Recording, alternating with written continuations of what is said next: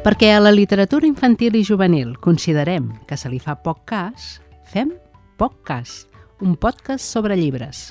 Cada 15 dies compartirem amb vosaltres lectures de tota mena d'estils, de gèneres, de gustos, però no parlarem de llibres fórmules, ni de modes, ni d'edats.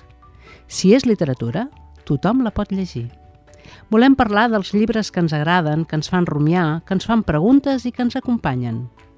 Diuen que llegir és un hàbit solitari, però sabem que millora quan el compartim. I per això som aquí. Som Paula Jarrín, Tina Vallès i Carlota Torrents. Els lectors i lectores creixem amb els llibres, no amb els anys. Comencem. POCCAS, el podcast de literatura infantil i juvenil.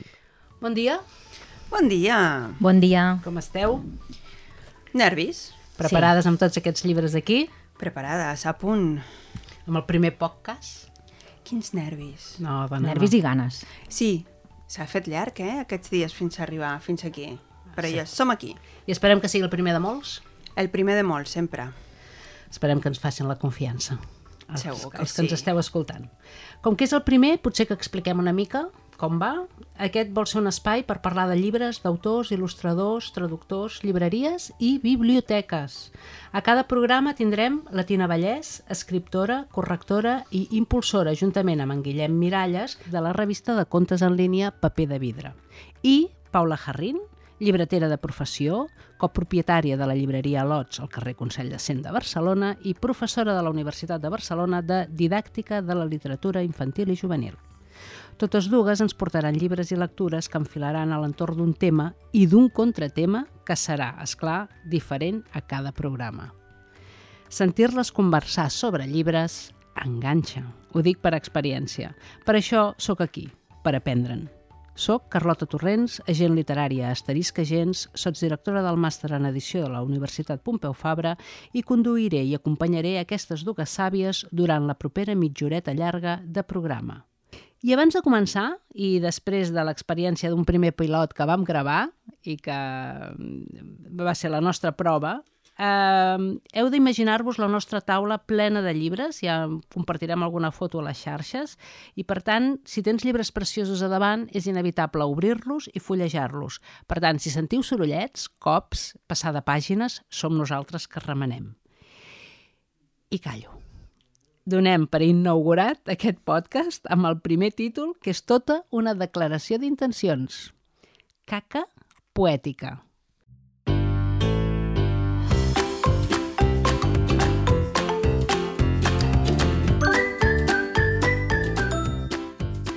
Ens ho expliqueu una mica, això de la caca i la poètica? Bueno, comencem per la poètica i, i et dic que, que comencem amb una declaració d'intencions, amb, amb, una, amb un llibre que, bueno, us puc donar dues pistes, un que si fos d'un color seria lila i l'altre que les, les línies no arriben a, a final de pàgina. No sé si s'intueix una mica per on vaig. Clar, i quan diem caca, que serà una mica la meva part, us podreu imaginar que el color és un color marronet, que m'acompanyaran dos senyors i un personatge que em defineix molt perquè és tan curt de vista com jo. Ui, quins Ai. misteris. Uh, doncs uh, va, comencem, obrim. Obrim. Doncs mira, inaugurem el programa, i em fa molta il·lusió inaugurar amb això, amb els petits poemes de la Maria Mercè Marçal. Um, és una, una edició que ha fet l'editorial uh, Cep i la Nansa, el llibre és del 2023, per tant, per nosaltres és novetat, i l'edició l'ha fet, la, la tria de poemes l'ha fet la Judit Bernès i està il·lustrat per la Mercè Galí. Uh, és un llibre que, que fa molta il·lusió que, que inauguri la secció per molts motius. Per començar, perquè és poesia, per continuar, perquè no és poesia per nens, sinó que és poesia eh, per adults, per dir-ho d'alguna manera. Cada cop que diguem per adults o literatura adulta haurem de posar cometes, eh? us les poseu vosaltres mateixos.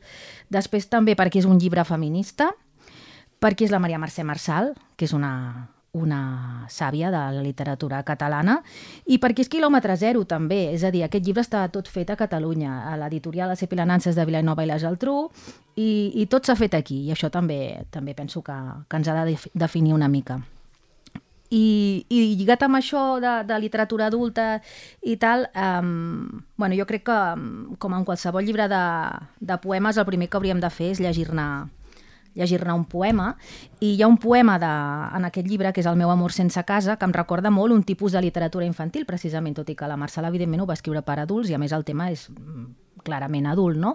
Eh, I lliga amb, amb aquesta literatura acumulativa, no? Aquests, aquests contes que són, per exemple, doncs, una festa que van arribant convidats i fins al final no es pot eh, encetar el pastís, no? I cada cop vas acumulant més noms i més, i més accions a la, a, la, a la frase i comença amb una frase molt curta i acaba que la frase ocupa mitja pàgina, no? Doncs aquest poema lliga una mica amb aquest tipus de literatura infantil així com acumulativa i es diu així, El meu amor sense casa. El meu amor sense casa, l'ombra del meu amor sense casa, la bala que travessa l'ombra del meu amor sense casa. Les fulles que cobreixen la bala que travessa l'ombra del meu amor sense casa. El vent que arrenca les fulles que cobreixen la bala que travessa l'ombra del meu amor sense casa. Els meus ulls que arrelen el vent que arrenca les fulles que cobreixen la bala que travessa l'ombra del meu amor sense casa.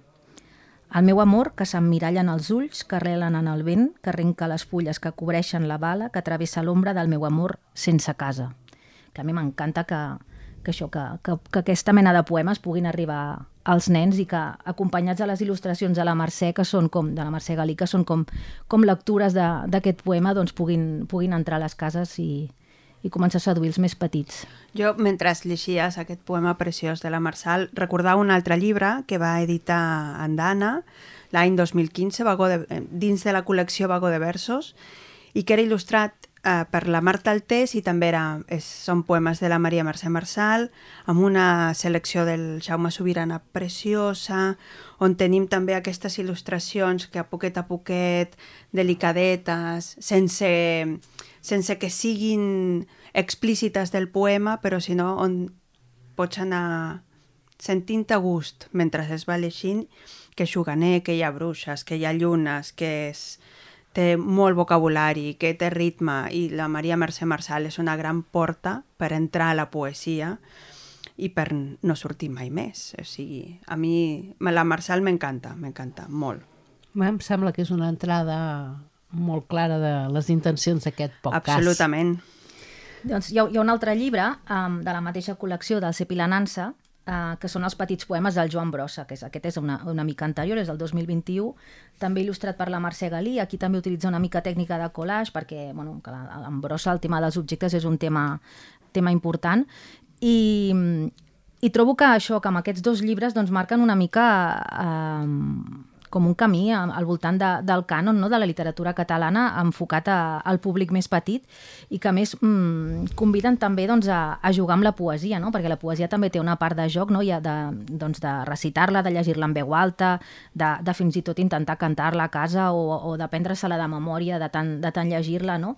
I a banda, en el llibre del Brossa hi ha una coseta que m'encanta, que és que el, a la contra hi ha un... La Mercè Galí ha fet un, un retrat d'en Brossa assegut en un balancí amb una vermella al revés a la mà, que, que és una monada, no?, aquesta, aquesta il·lustració.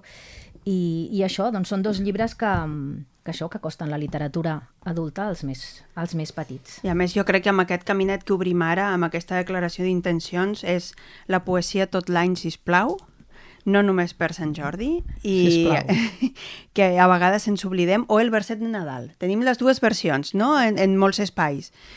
Quan és algo que podem llegir en veu alta tot l'any, quan a vegades com a famílies ens, ens pot fer por llegir poesia als infants. I és dir, mira, una estoneta abans, una mica de poesia, mentre estan allà a punt de caure dormits o estem jugant.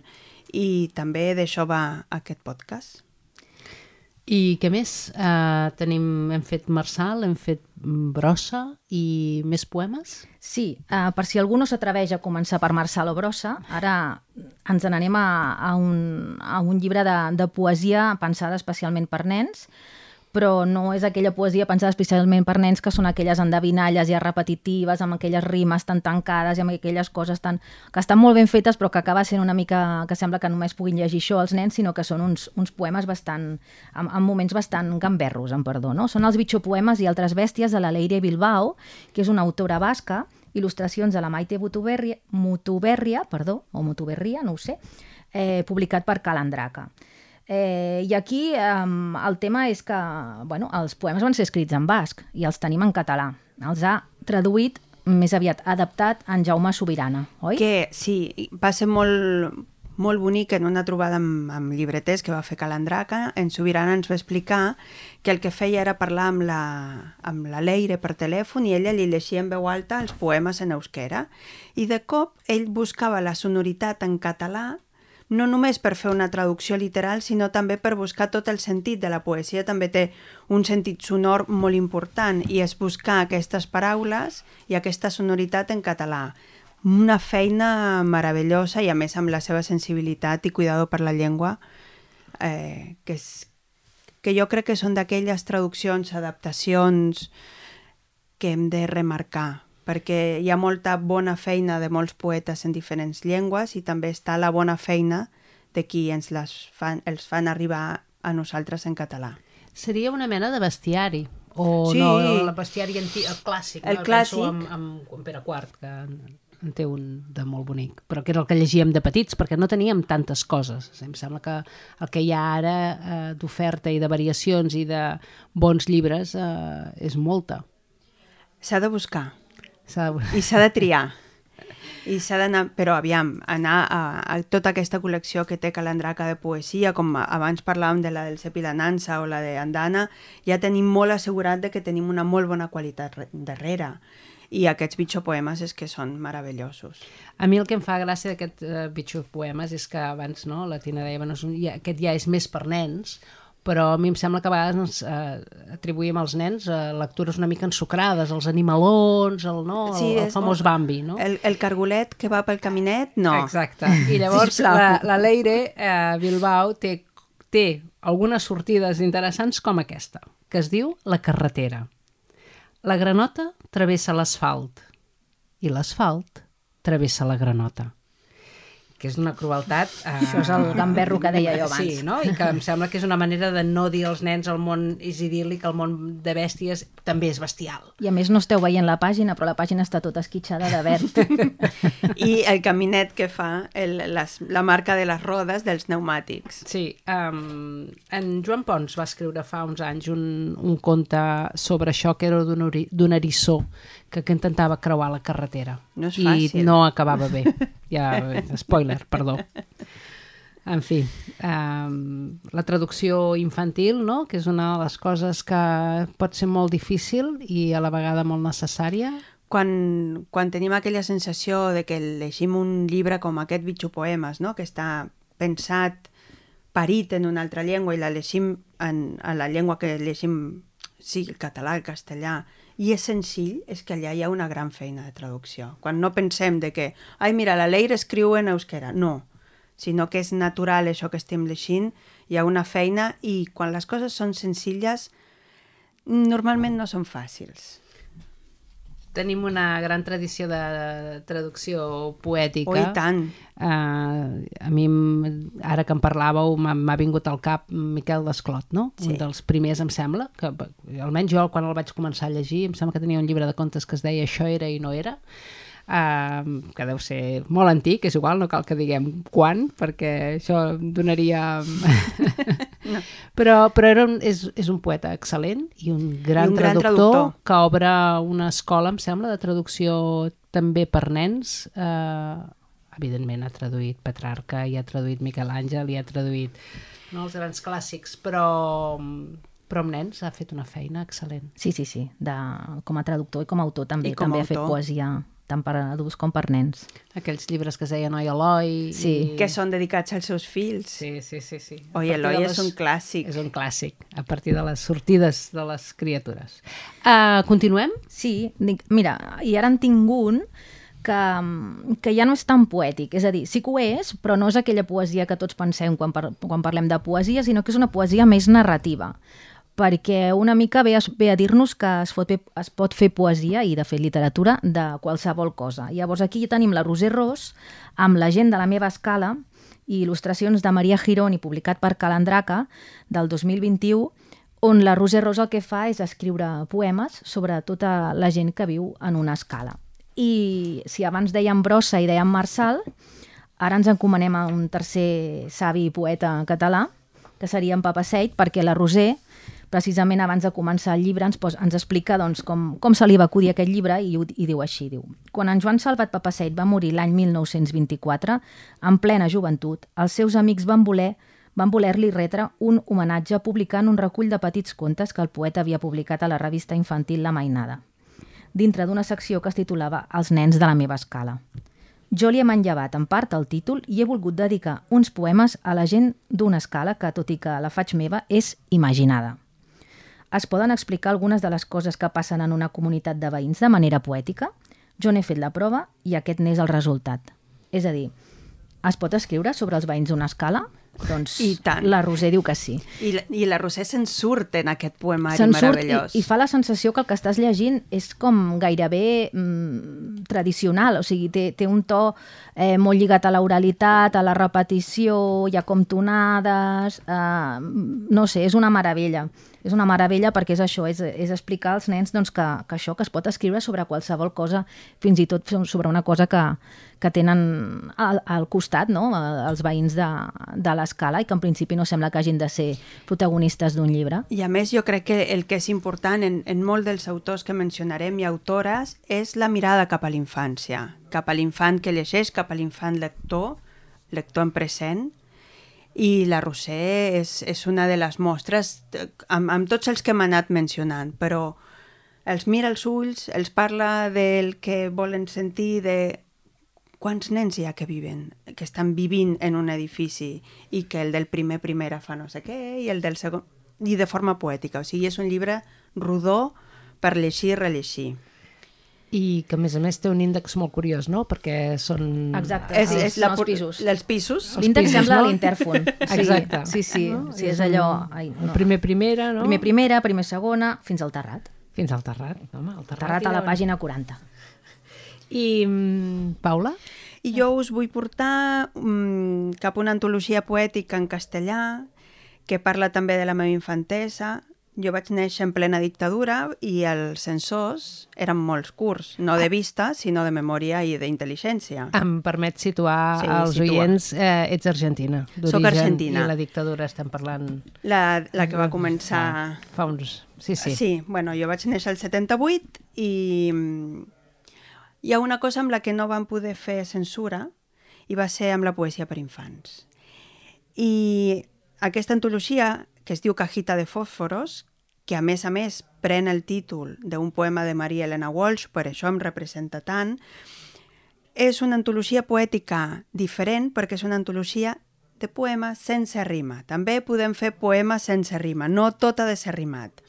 El Adolfo Córdoba, que és mexicà, que és un home savi i un... Jo sempre el, el veig que té una mirada també molt bonica cap a l'infant, ha recopilat poemes d'autors i d'autores en llengua castellana per fer aquesta antologia que edita Caré i que a més a més il·lustra en Juan Palomino, que és un autor mexicà que és, normalment treballa en grans murals i té una delícia de, de poemes, una delícia d'edició, i això comença així i em permetreu que us llegeixi un trosset que diu En una cajita de fósforo se pueden guardar muchas cosas. En una cajita de fósforo se pueden guardar muchas cosas, las que no tienen mamá. Y aquí podríamos jugar tanto, tanto, tanto que es Las- libro para, para ir dando vueltas tantas veces como querramos. Les antologies també són un pou no? d'espai de, d'espai on, on, on es pot arribar a trobar moltes coses que potser no n'hi ha prou tradició, potser la gent a vegades té tendència a comprar el llibre d'un autor, el llibre d'un poeta, quan a vegades en les antologies hi, hi pots arribar a trobar eh, tota una suma de, sobre un tema o sobre una generació o simplement això, poemes per passar l'estona, diguem, I et eh? pot o donar tota una, llegir una pinzellada de la situació, no? Una foto, però amb gran angular. Bueno, i a més és com, d'alguna manera, com un catàleg no? d'opcions que després doncs, dius, mira, aquest m'ha agradat més i d'aquest em busco un llibre sencer. Exacte. Tal qual. Però és una manera de conèixer un munt d'autors alhora, no?, una mica. Molt a favor Sí. de les antologies. I molt a favor de Cajita de Fòsforos. Molt a favor. Perdoneu, ho havia de dir. Vosaltres no el veieu, però és un llibre preciós i a més a més és un llibre lluminós, perquè té una mena de sol a Un la portada. sol. Preciós. I, però em sembla que canviem radicalment Canvia de tema, radical. perquè és clar hem anat parlant de eh, la poètica, però ens falta l'altra cosa. L'altra cosa que jo us deia, que m'acompanyaven dos senyors, a mi m'acompanyen dos senyors um, que un d'ells va ser Premi Andersen i Premi Alma, que és el Premi Memorial Astrid Lindgren. Um, M'acompanya un personatge que és miop com jo i no podia ser un altre, i si parlem de caques, hem de parlar de la talpeta que volia saber qui l'havia fet allò al cap. Imagineu-vos que us aixequeu, que sortiu de casa, com li passa a aquesta talpeta que quan un dia va treure el cap d'entre la muntanyeta de terra per tal de veure si eixia el sol, li va ocórrer allò. Era rodó i marró, i s'assemblava una mica al xoriço, i el pitjor de tot, li va caure damunt del cap. Perquè, clar, eh, fer un podcast sense el Bruig a mi em semblava que no podia ser. A més a més, va morir fa molt poc i hem de confessar que amb les amigues fins i tot li van fer la vetlla, perquè el trobarem molt a faltar, perquè ens va omplir de, de bons llibres. Aquesta talpeta, ell només la il·lustra i el, el senyor Werner Holsworth és l'autor del text, que farà qüestió de dos anys va estar per l'Hospitalet. Ah, sí? Sí, sí, sí. El va portar en Jaume Centelles, Ah, va fer un, actor, un, un acte gran a la Biblioteca Tecla Sala, ple de gent. A més, hi ha un bibliotecari a, a Tecla Sala que té moltes edicions de la talpeta en diferents llengües i va ser un senyor simpatiquíssim. Clar, ja amb el to del llibre ens podríem imaginar que és un senyor amb molt, un gran sentit de l'humor, és irreverent, eh, ens treu el riure, ens fa parar atenció al joc de paraules, al ritme, a que allò, la caca, no es menciona mai directament, sinó que la trobem amb onomatopeies, um, que ens la imaginem de quin color, forma, perquè aquesta talpeta anirà mirant caques i culs de tots els animals per saber qui l'havia fet això al cap. I a mi el que m'agrada és aquest xoc que els autors, tots dos, estableixen amb el lector. I és aquesta relació de va, anem jugant i en un cop el lector enganxa el xoc, no?, de que "Mm, qui m'ha fet això? Has estat tu? No, perquè jo la caca la faig així o, o aixà. És meravellós, perquè juguen però des del respecte. I a més a més, qui controla tot el temps la narració i, el, i com va esdevenint aquesta aventura és l'infant. I és meravellós. tinc entès que nosaltres tenim una talpeta, però que hi ha Nosaltres gent tenim una que talpeta. no, hi ha països que no, o llengües que tenen que talps. tenen un talp. Sí. Um, en castellà és el topo, Ah. però en gallec és a topinya, o sigui que potser... En francès diria que també és, és femení. En alemany és topo. Vale. Mm, potser, pues, jo crec que tant ens fa. Sí, sí, són talpes, són... És meravellosa. Nosaltres ens quedarem amb aquest canvi que no sabem en quin moment passa, que de... Però sabem que ha sigut un traductor o traductora, eh? Sí, sí, sí, sí, sí. En, en algun moment, eh, la traducció al català és de la Maria Viu, en algun moment ella es va trobar de que això era un, una talpeta i... I haurem de demanar, no? És Algun dia podríem fer la investigació en, a on tenim el, bueno, el són, intríngulis. són opcions, no?, a l'hora de, tradu També. de traduir, ja fos perquè pel ritme de la, del mateix conte li funcionava que fos femení, perquè se la va imaginar sempre talpeta, perquè va decidir que perquè sempre són talps i perquè no són talpetes. talpetes. I mm, sobre la miopia, aquí em sembla que compartim Sí. eh, les tres eh, Empatitzem el, el molt, drama. sí. Empatitzem molt, podríem, Sí. podríem eh, fer-nos unes ulleres com les d'aquesta talpeta meravellosa, que a més a més està emprenyada. Que és cosa que és... Perquè, hosti, tu surts de casa i algú se't caga el cap i t'has d'emprenyar. I no tot és color de rosa. Jo crec que per això és... també ens agrada perquè és, juguem amb la irrealitat, amb el xoc, amb, amb, amb, amb la literatura, però no és de color rosa. Tu no, surts de casa i algú treu, et fa això i estàs content. No, no, i està, quin fàstic. Més Però el, el, el llibre això? juga amb els parèntesis, dins dels parèntesis hi ha com informació en plan, com, com si fos una noteta a peu de pàgina. I a més a més juga amb les onomatopeies. Sí, també. Perquè hi plof, plof, cinc boletes enormes i gruixudes van caure pesades gairebé damunt de la talpeta. Em va quedar profundament impressionada. Clar, i era com que havíem de, de fer talpeta i si parlàvem de, de caques, Sí? havíem de parlar de culs. Cosa Òbviament. que, òbviament. O sigui, perquè una cosa porta l'altra. I a més a més, per fer també esment a que mm, en els últims anys tenim llibres de coneixements que no són els típics. El cos humà, el- el- l'espai, els dinosaures, sinó, per exemple, pensant en la talpeta, jo vaig anar-me directament al llibre, al llibre dels culs, un llibre d'aquest any de l'Eva Manzano i el gran, gran, gran, gran Emilio Orberuaga, editat per 9-8, i és un tractat sobre culs. Com són els culs dels animals, dels insectes, de les persones, de per què serveixen, eh, per què tenim aquí aquest cul? I a més venim que tenim dos autors que venen de registres molt diferents. L'Eva té un llibre preciós que es diu Receptes de pluja i sucre, que són suaus i que ens tenen com un to molt poètic. I la sorpresa d'Emilio Orberuaga, papà de Manolito Gafotas. Si l'Elvira Lindo l'escriu, ell dibuixa Manolito Gafotas, i que ell ara mateix estigui fent aquests culs em sembla de les coses més delicioses del món mundial. S'ho ha passat bé, no? S'ho ha passat superbé i a més vam replicar els seus culs a la llibreria en un aparador, vam demanar permís i ell va estar encantat de que, de que el féssim i jo flipant perquè no deixa de ser algú a qui li guardes un respecte gairebé com si fos Déu, perquè és el senyor Emilio Orberuaga. És, és Déu, ho, ho he viscut. sí, sí, sí, sí. A, a cada any a la Fira de Bologna, quan hi vaig començar a anar, eh, jo veia un senyor eh, amb barba blanca, amb una mena de barbeta, curta, però amb barba. A més, és un senyor alt. Sí, alt, caminant pels passadissos de Bologna, en què tots anem molt adalerats i no estem per res, i semblava que caminés ell, pobre, molt tranquil, eh, però amb una certa aureola i tothom saludant-lo. I pensava, qui, qui és aquest senyor? I passaven els anys i jo me'l trobava a cada fira, perquè em sembla que és de les que no, no, es, no es perd mai cap any, fins que vaig saber que era ell. I llavors ho vaig entendre. I sí, jo crec que és... Si no és Déu, s'hi acosta. S'hi acosta molt, s'hi acosta molt. I parlant de culs, caques, fa molts anys i es, ens apropem eh, a París, o més ben dit a Montrell, que podríem dir que és com un l'Hospitalet de París, perquè s'hi arriba en metro, però no és la, la gran ciutat, la Fira del Llibre Infantil i Juvenil s'hi fa en allà.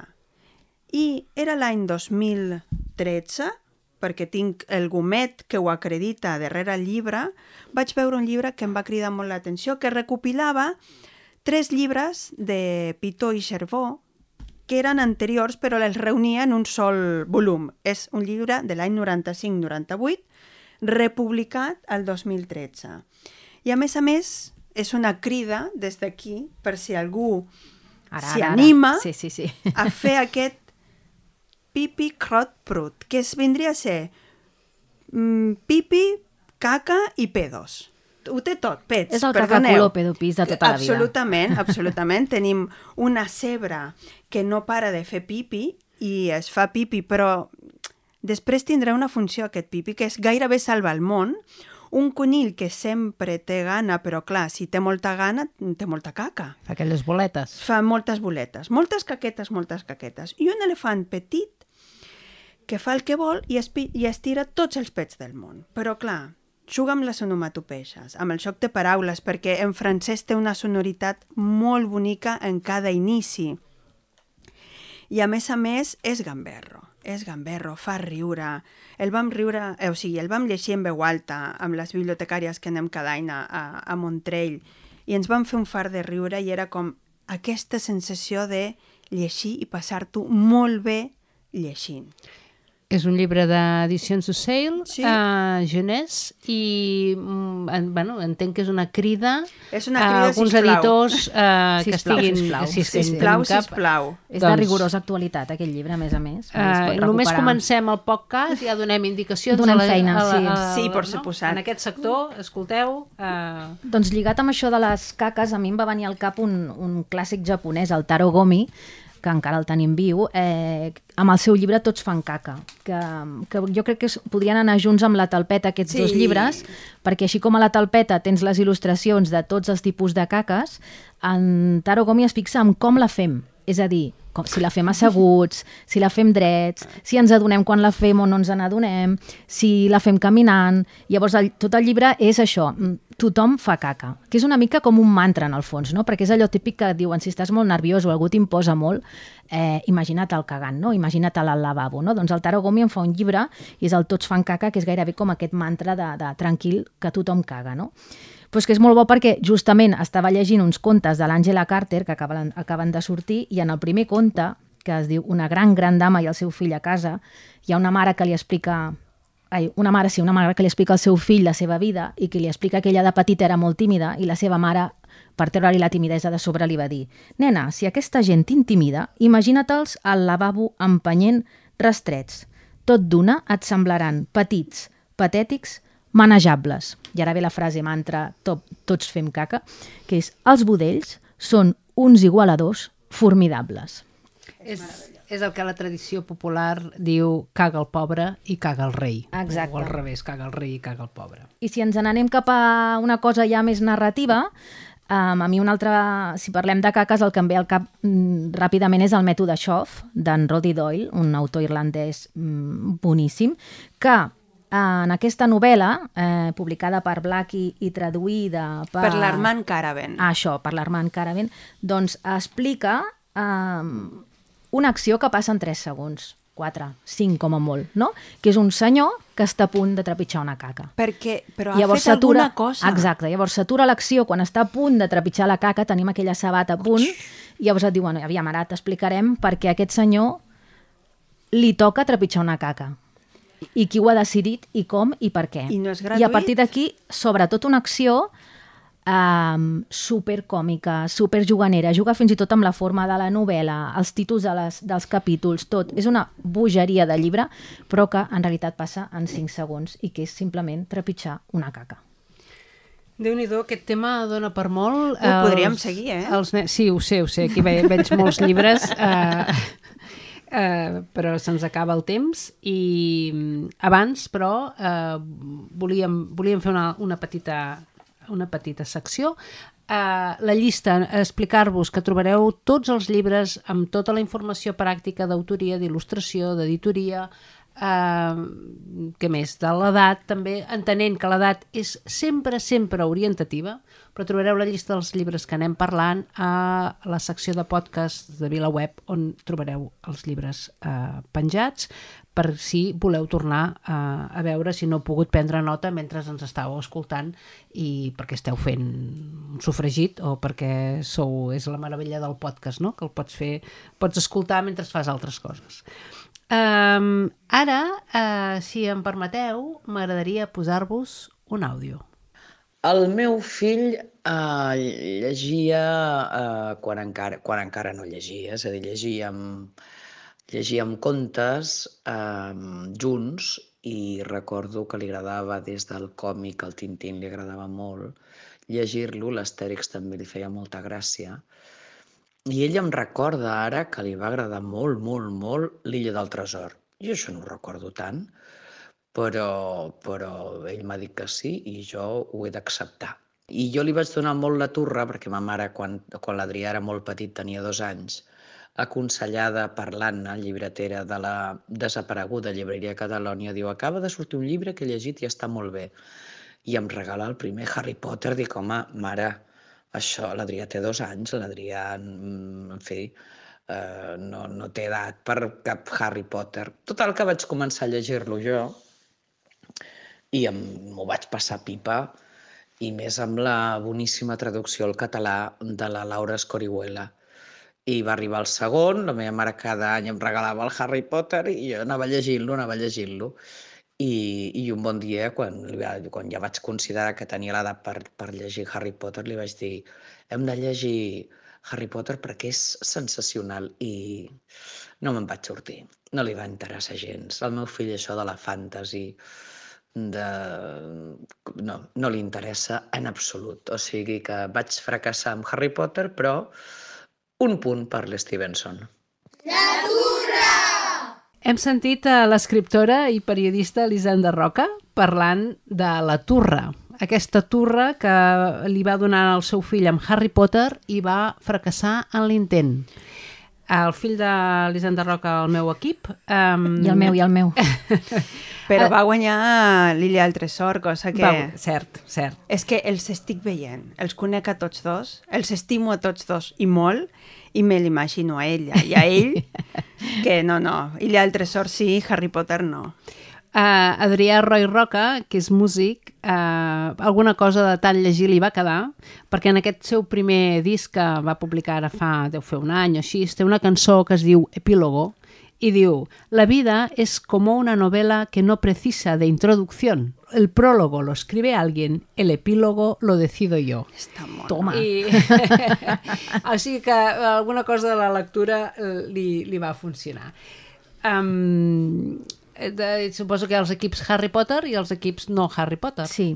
Jo el Harry Potter l'he eh, l'he- corregit, o sigui, com a correctora l'he corregit i, i li reconec el mèrit, eh? però no és el tipus de literatura que a mi eh, m'interessa ni, ni em distreu. Jo, jo només vull fer un apunt. Jo sí. sóc equip Harry Potter, els vaig gaudir, tenia 18 anys quan va sortir el primer Harry Potter, cosa que dius, ai, per favor. Penseu, penseu, penseu, llegiu o mireu les pel·lis, però sobretot llegiu Harry Potter pensant què passaria si Hermione no existís. I aquí ho deixo. Ara, ara, ara, ara. Tornem a ser liles, eh? Bé, és el- l'equip Harry Potter o l'equip El Senyor dels Anells, eh? Que també estem allà. No, allà. no, no, jo no. No? Bé, jo sóc equip eh, Senyor dels Els Anells, també. dels Anells sí, aquest sí. Uh, I com que som curioses de menes, ens agradaria saber les vostres torres, així, és- és a dir, en els que els oients us convidem a compartir les vostres torres, aquells llibres que heu hagut de llegir fins a, fins a cansar-vos en els vostres fills i els llibres que haguéssiu volgut que llegissin i que no us n'heu sortit, que segur que n'hi ha. Si teniu ganes de compartir-ho, ens podeu deixar un missatge a, al número 689 344 437, que és el mateix que dir 689 344 437. I, si a més teniu ganes de fer-nos preguntes, bé, de fer-los preguntes a la Paula i la Tina, que ja heu vist que en saben un niu, podeu deixar-nos els vostres missatges, les vostres preguntes a la bústia podcast arroba vilaweb.cat podcast entenem que porta dues Cs al mig, eh? No, no ens n'hem menjat cap, perquè aquí les lletres les posem totes i completes. Uh, em sembla que per acabar tenim uh, un petit de zambra. Mira, és un llibre que a més a més ara ens ho lliga tot, perquè per una banda, um, com hem dit abans, quan cada cop que diem literatura adulta o literatura infantil, uh, aquests adjectius ens, ens costen, ens molesten, no? Per l'altra, l'Alejandro Zambra, en, a, en aquest llibre últim que ha tret, que es diu Literatura infantil, on parla de literatura i paternitat, hi ha un, hi ha un dels textos que explica la seva turra, perquè explica que el seu fill cada nit li demana que li llegeixi la talpeta. I llavors hi ha un moment en què fa una reflexió que jo penso que lliga molt amb tot el que hem dit avui, de que es pot escriure literatura sobretot, que també lliga amb la Roser Ros i allò que ens deia doncs, que, que ella va provar d'escriure sobre els seus veïns i que penso que, que pot fer molt de... pot quedar molt bé com a rúbrica final d'aquest primer programa. I, I ens en vols llegir un fragment, amb el Paula? permís del el nostre adorat Sambra, us llegeixo en veu alta un fragmentet. Diu, Se me hace tan absurda la existencia de una literatura no infantil, de una literatura para adultos, para no niños, una literatura, literatura, una literatura de verdad. La idea de que hago y leo una literatura de verdad y que los libros que leemos juntos son una especie de sustituto o de sucedáneo o de imitación o de preparación para la literatura verdadera me parece tan injusta como falsa. Y es que, honestamente, no encuentro menos literatura en un cuento de Maurice Sendak o de María Elena Walsh que en mis favoritos de literatura adulta.